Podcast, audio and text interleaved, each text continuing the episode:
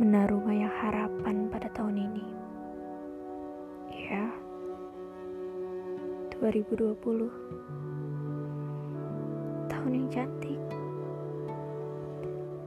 Mulai dari teman-teman yang mempersiapkan resepsi pernikahan, menciptakan lembaran-lembaran impian, sampai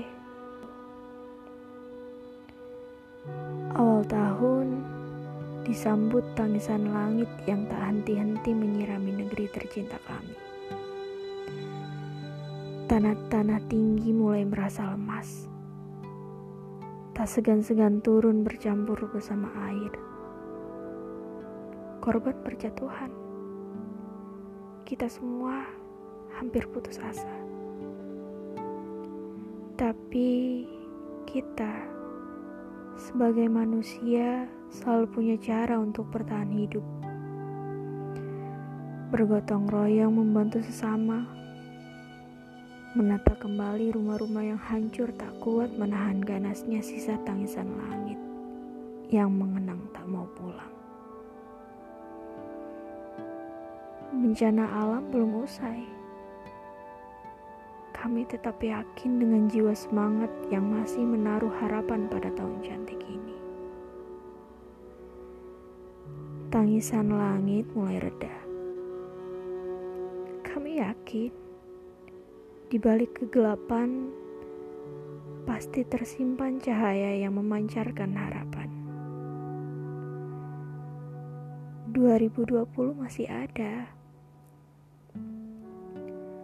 Terpaksa kita harus menyisihkan kembali apa yang sudah kita rencanakan. Ya. Pukulan sangat berat kembali menimpa negeri kami, di mana ketika kita harus dibatasi dengan beberapa pembatas,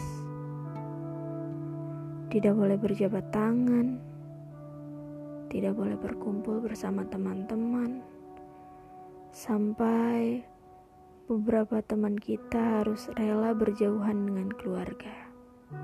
Ya, sebuah bencana baru.